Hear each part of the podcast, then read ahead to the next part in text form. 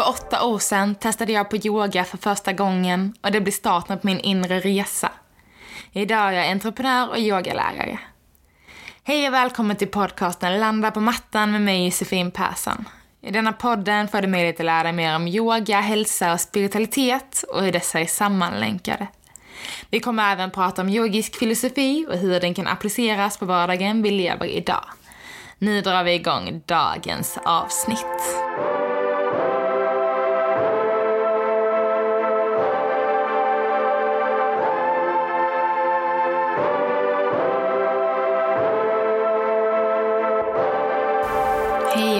Välkomna till dagens avsnitt. Ehm, jag tänkte börja lite med att prata om mig själv. Jag tänker att det är kanske några av er lyssnare som inte känner mig eller vet vem jag är.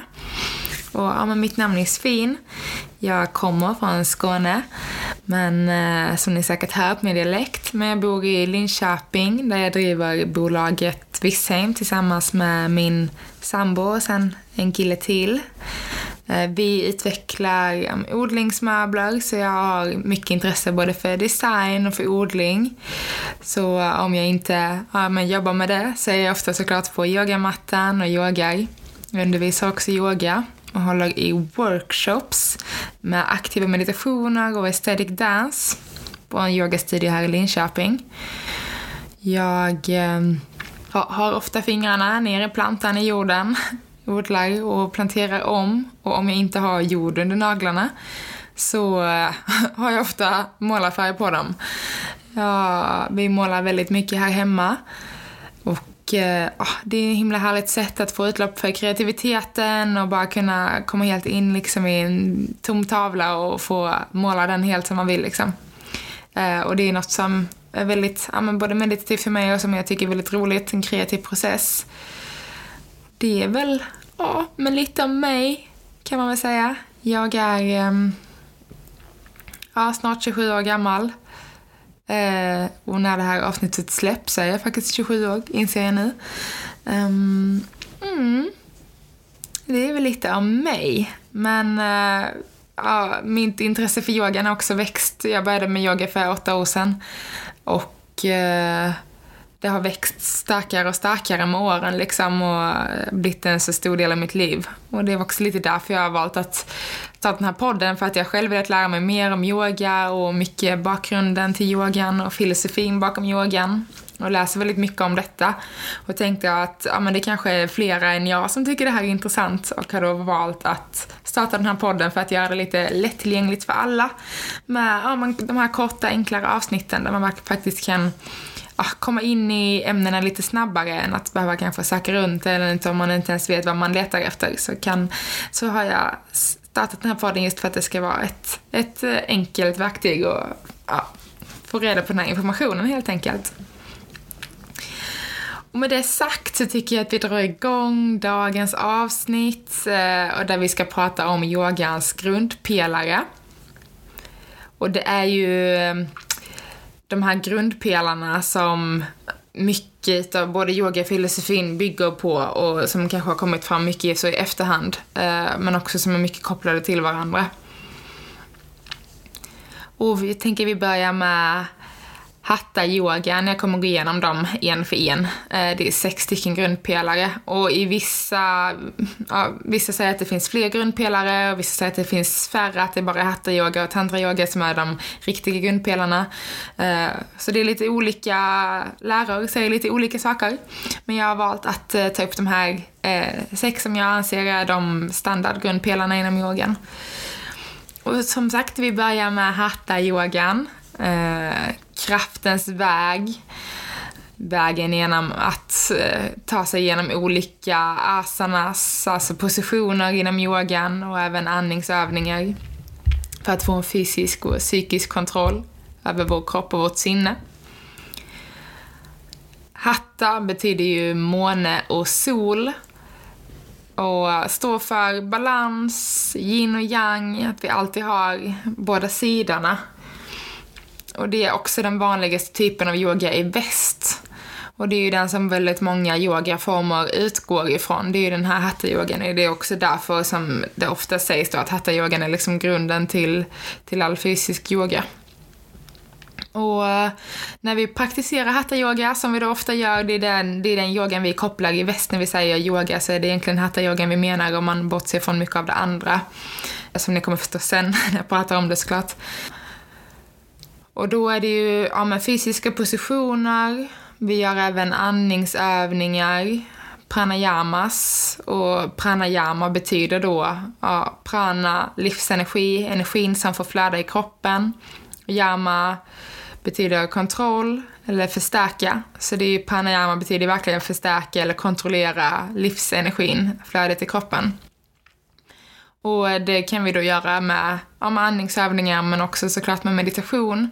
Och det är de här tre grunddelarna inom hatta-yogan, alltså asanas, fysiska positioner, andningsövningar, pranayama och även då meditationen som är grunden till hatta-yogan. Och det är det som vi utför när vi yogar på mattan här i Sverige för det mesta. Så är det de tre delarna som vi pratar om när vi pratar om yoga.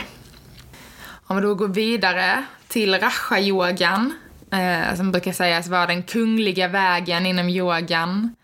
Det är vägen via meditation och de åtta stegen, ashtanga-yogan då, till upplysning. Och det är lite som vi har pratat om i tidigare avsnitt och som återigen kommer prata mycket, i den här åttafaldiga vägen. Och just raja-yogan handlar väldigt mycket om självkontroll och disciplin. Ordet rasha betyder ja, men kunglig, ädel, royal, om man tar det engelska ordet. Rasha-yogan är helt grundad i Patanjalis åttafaldiga väg och hans yogasutra, och sättet att leva livet på enligt, enligt honom då.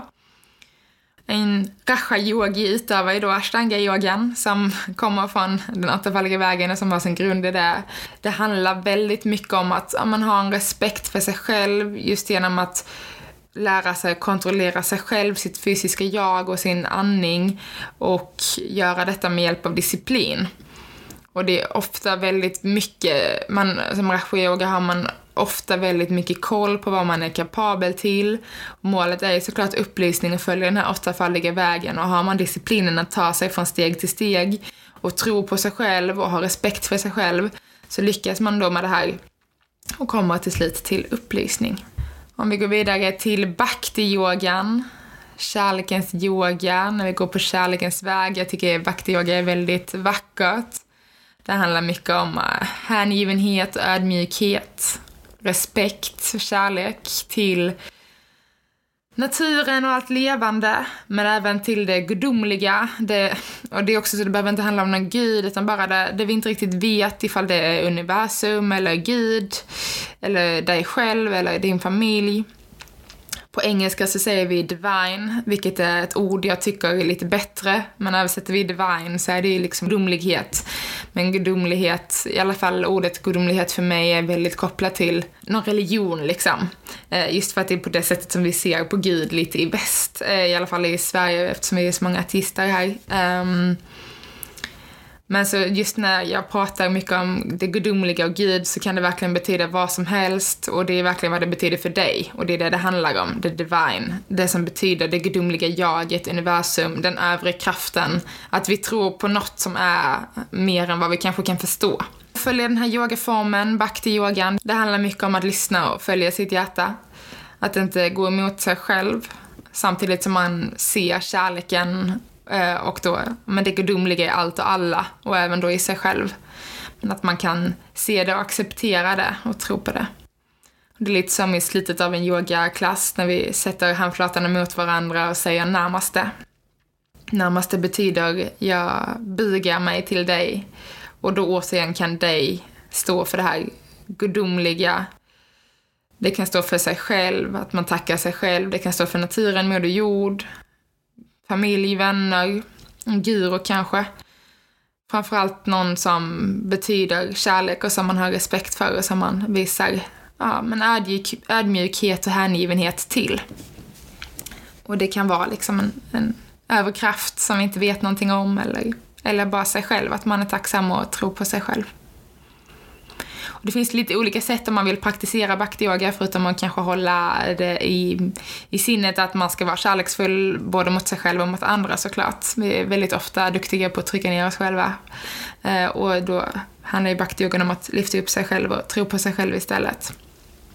Men vi kan till exempel sjunga mantran som handlar om det här gudomliga, divine, det övre. Eh, och jag tänkte ta ett exempel mantra som är ett av mina favoritmantran. Som eh, går så här.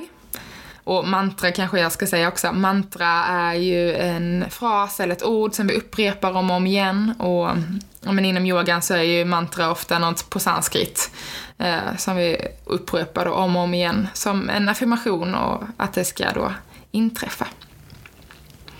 Men eh, mantrat lyder då så här. Loka samasta sukino bhavantu. Och det betyder må alla levande varelser överallt vara glada och fria. Och det handlar väldigt mycket om det här att men alla ska bara få vara överallt och vi har respekt till naturen och, och kärlek till den och allt levande såklart. Man kan eh, eh, då flera sätt att praktisera bhakti-yogan på. Man kan bygga ett altare och ta ett altare med speciella saker för en själv som man då kanske använder i meditation och ritualer som man kanske ser varje dag som en liten påminnelse av självkärlek och kärlek till andra. Och ja, i ett altare allmänt kan man ha kanske kristaller eller speciella saker, lite rökelse, kanske någon blomma eller planta som påminner en om naturen. Man kan också ha en bild på någon som betyder mycket för en. Och I vanliga fall om man ser ett altare på ett yogastudio så är det ofta en guru eller en lärare som betyder väldigt mycket för någon. Men man kan också ha en bild på ja, familj eller vänner och återigen det här, någon som man har kärlek och respekt för. Eh, som betyder mycket för en helt enkelt. Mm, sen går vi vidare till eh, jana yoga. Och det är kunskapens och visdomens väg genom yogan. Det är väg via studier och meditation, filosofiska frågeställningar och inom eh, Janan-yogan så finns det alltid väldigt mycket att hämta. Kunskapen är oändlig för den som söker och vill lära sig mer. Det finns alltid mer att lära. Och för en eh, eh jana yogi är det viktigt att utveckla sin inre intelligens och vishet. Eh, och då är det verkligen för att kunna amen, utveckla sitt inre jag, sin inre kunskap, växa inombords liksom. Eh, och då både med att filosofi och religion spelar en riktig, viktig roll inom detta, men inte att följa den, utan mer att att man använder den och tror på den vägen. Vi måste vara öppna för allt, så därför är det också viktigt att ta in aspekter som religion, olika filosofier.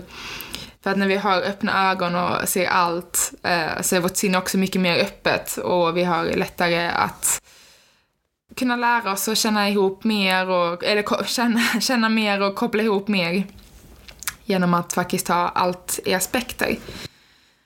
Och det handlar väldigt mycket om att då till slut kunna landa in i vad som kanske är sant för en själv. Och koppla sin inre själ, sin spirit och hitta till den, vår inre gud, genom den här kunskapen då. Och ja, men den som söker kommer att finna. Vi går vidare till karma yoga, handlingens yoga. Karma yoga är, eller en karma yogi är någon som alltid har fokus på moral och osjälviska handlingar. Karma yoga i den yogiska filosofin och den här grundpelaren så är det väldigt mycket att ja, men en, en osjälvisk person som ser sin nuvarande livssituation den är kopplad till karman som man har gjort i tidigare handlingar i livet.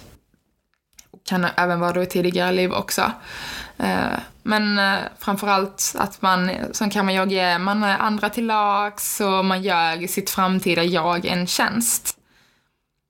Genom att rikta sin uppmärksamhet mot det positiva och vara hjälpsam så eh, ändrar man inte bara sitt beteende mot andra utan man ändrar även sin identitet och sig själv och den man faktiskt är. Och det kanske är lite kan också, det känns ju också väldigt mycket skönare för en själv om man har gjort någonting som är bra istället för att göra något som är dåligt. Och det handlar inte heller om att göra någonting, det kan handla bara om vad man säger om andra, vad man tänker om andra. Det behöver inte ens vara något man säger högt, utan bara de här tankarna att, att all, om man ser till attraktionslagen, allt vi skickar ut, allt vi tänker och pratar om, det kommer ha en påverkan i livet.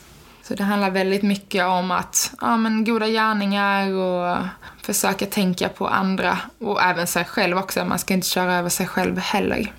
Man ska vara god mot sig själv också. På så sätt kan man ändra, ändra sin inre identitet och sitt mindset mot det positiva istället för mot det negativa. Det är också sagt inom karmayogan att en god gärning tar inte bort en dålig gärning, utan att båda gärningarna kommer påverka. Det är lite så, så, man kan inte säga något taskigt till någon för att sen säga något snällt till någon och så räknas inte det taskiga överhuvudtaget. Utan det kommer fortfarande finnas med i ekvationen och ja, men ha effekt på dels den personen men även oss själva troligtvis. Vi kanske säger, ibland säger vi onödiga saker och gör onödiga saker utan att vi tänker på det. Men ofta är det en handling mot oss själva också. Vi är ofta kopplade till det negativa som sker. Och alla dessa går ju att koppla så himla mycket till varandra, till exempel att ja, med kunskapen så kanske vi inte gör dåliga handlingar och på så sätt så kan vi ge självkärlek till oss och till andra, vilket gör att vi går enligt karma-yogans väg. Och, och så vidare åt andra hållet. Alla dessa är sammankopplade på ett väldigt intressant sätt. Och jag tänkte att vi avslutar med tantrayoga, ritualerna och gemenskapens väg. Ordet tantra betyder att expandera eller att sammanfläta. Och tantrayoga handlar ju då just om att ja, men, sammanfläta de här olika typerna av yogapraktik med spirituella ritualer. Just för att connecta med oss själva och få en djupare förståelse för oss själva och för varandra och för universum och det här gudomliga högre jaget. Och tantrayoga kan ofta missuppfattas och många tror att det bara handlar om sex och tantrasex och det är ju väl fel skulle jag säga, men sex är absolut en del utav tantrayogan. Det ska man inte ta bort. Men tantrayoga handlar om så mycket mer än bara, än bara det och jag tror det är många som kan missuppfatta det under, när man hör ordet tantra. Medan tantra yoga handlar mer om att ja, man utföra olika typer av ritualer för att hitta till det som påverkar oss emotionellt, som hjälper oss att landa in i oss själva. Vi kan sammankoppla och känna in våra energier och då koppla dem till vår fysiska kropp. Jag tycker att tantran så här, i efterhand är ganska jag tycker att den och kundalini-yoga har lite gemensamma punkter, just för att det handlar om att aktivera den här inre kundalini-energin, i kundalini-yoga och inom tantra-yoga så handlar det om att man gör ritualer för att aktivera våra energier i kroppen och koppla dem till vår fysiska kropp. Och tantra-yoga kan göras både själv, man kan utföra det själv, men man kan också utföra det två personer eller i grupp. Och det handlar inte då så exakt om sex, utan det handlar om, ja men kanske sjunga mantran tillsammans, man chantar, vi yogar tillsammans, vi gör ritualer, sätter affirmationer. Och det är väl framförallt det som är tantra-yoga. Även astrologi och ayurveda och de typerna av tekniker och sätt vi lär på är också kopplade till tantra-yogan. Och då även ja, mantran och yantra och allt som är kopplat eh, ja, men till ritualer som vi gör helt enkelt. Och det var de sex grundpelarna. Jag tänker att jag bara går igenom namnen lite snabbt så att ni har dem färskt i minnet. Så vi har hatta-yoga som är kraftens väg. Vi har raja-yoga som är den kungliga vägen kopplat till ashtanga-yogan. Vi har bhakti-yoga, kärlekens väg. Vi ska visa självkärlek och även kärlek till allt levande och till naturen. Vi har jana-yogan som är kunskapens och visdomens väg framåt. Vi har karma-yoga, handlingens väg. Vi beter oss och handlar för att göra osjälviska handlingar och vara snälla mot andra så får vi även tillbaka. Vi har då till slut tantra-yoga som är ritualernas yoga. Och det är de då sex grundpelarna inom yogan och de är uppkopplade på olika sätt och om du känner för det så liksom sitt och se om du kan koppla ihop dem själv liksom, men vad innebär bhakti-yogan i hatta-yogan? Hur kan vi använda kärlek i ashtanga-yogan? Hur kan kunskapen och det kopplas till hur vi är som en karma-yogi? Hur kan vi använda kunskapen till det? Det finns väldigt många olika sätt att koppla dessa på. Alla är som sagt inte... De här grundpelarna smälter ju alltid samman och sammanflätas, de också. Ja, det var dagens avsnitt. Nu har ni även fått lära känna mig lite och eh, fått höra då om yogans grundpelare. Så tack så jättemycket för att du lyssnade på detta avsnittet av Landa på mattan. Och nästa vecka så kommer vi prata om den åttafaldiga vägen, så vi kommer gå in på Patanelis åttafaldiga väg och prata om den övergripande. Om du vill komma i kontakt med mig så hittar du mig på min Instagram, Studio by Josefin. Och så får du ha en riktigt fin vecka och ta hand om dig så hörs vi igen snart. Puss och kram!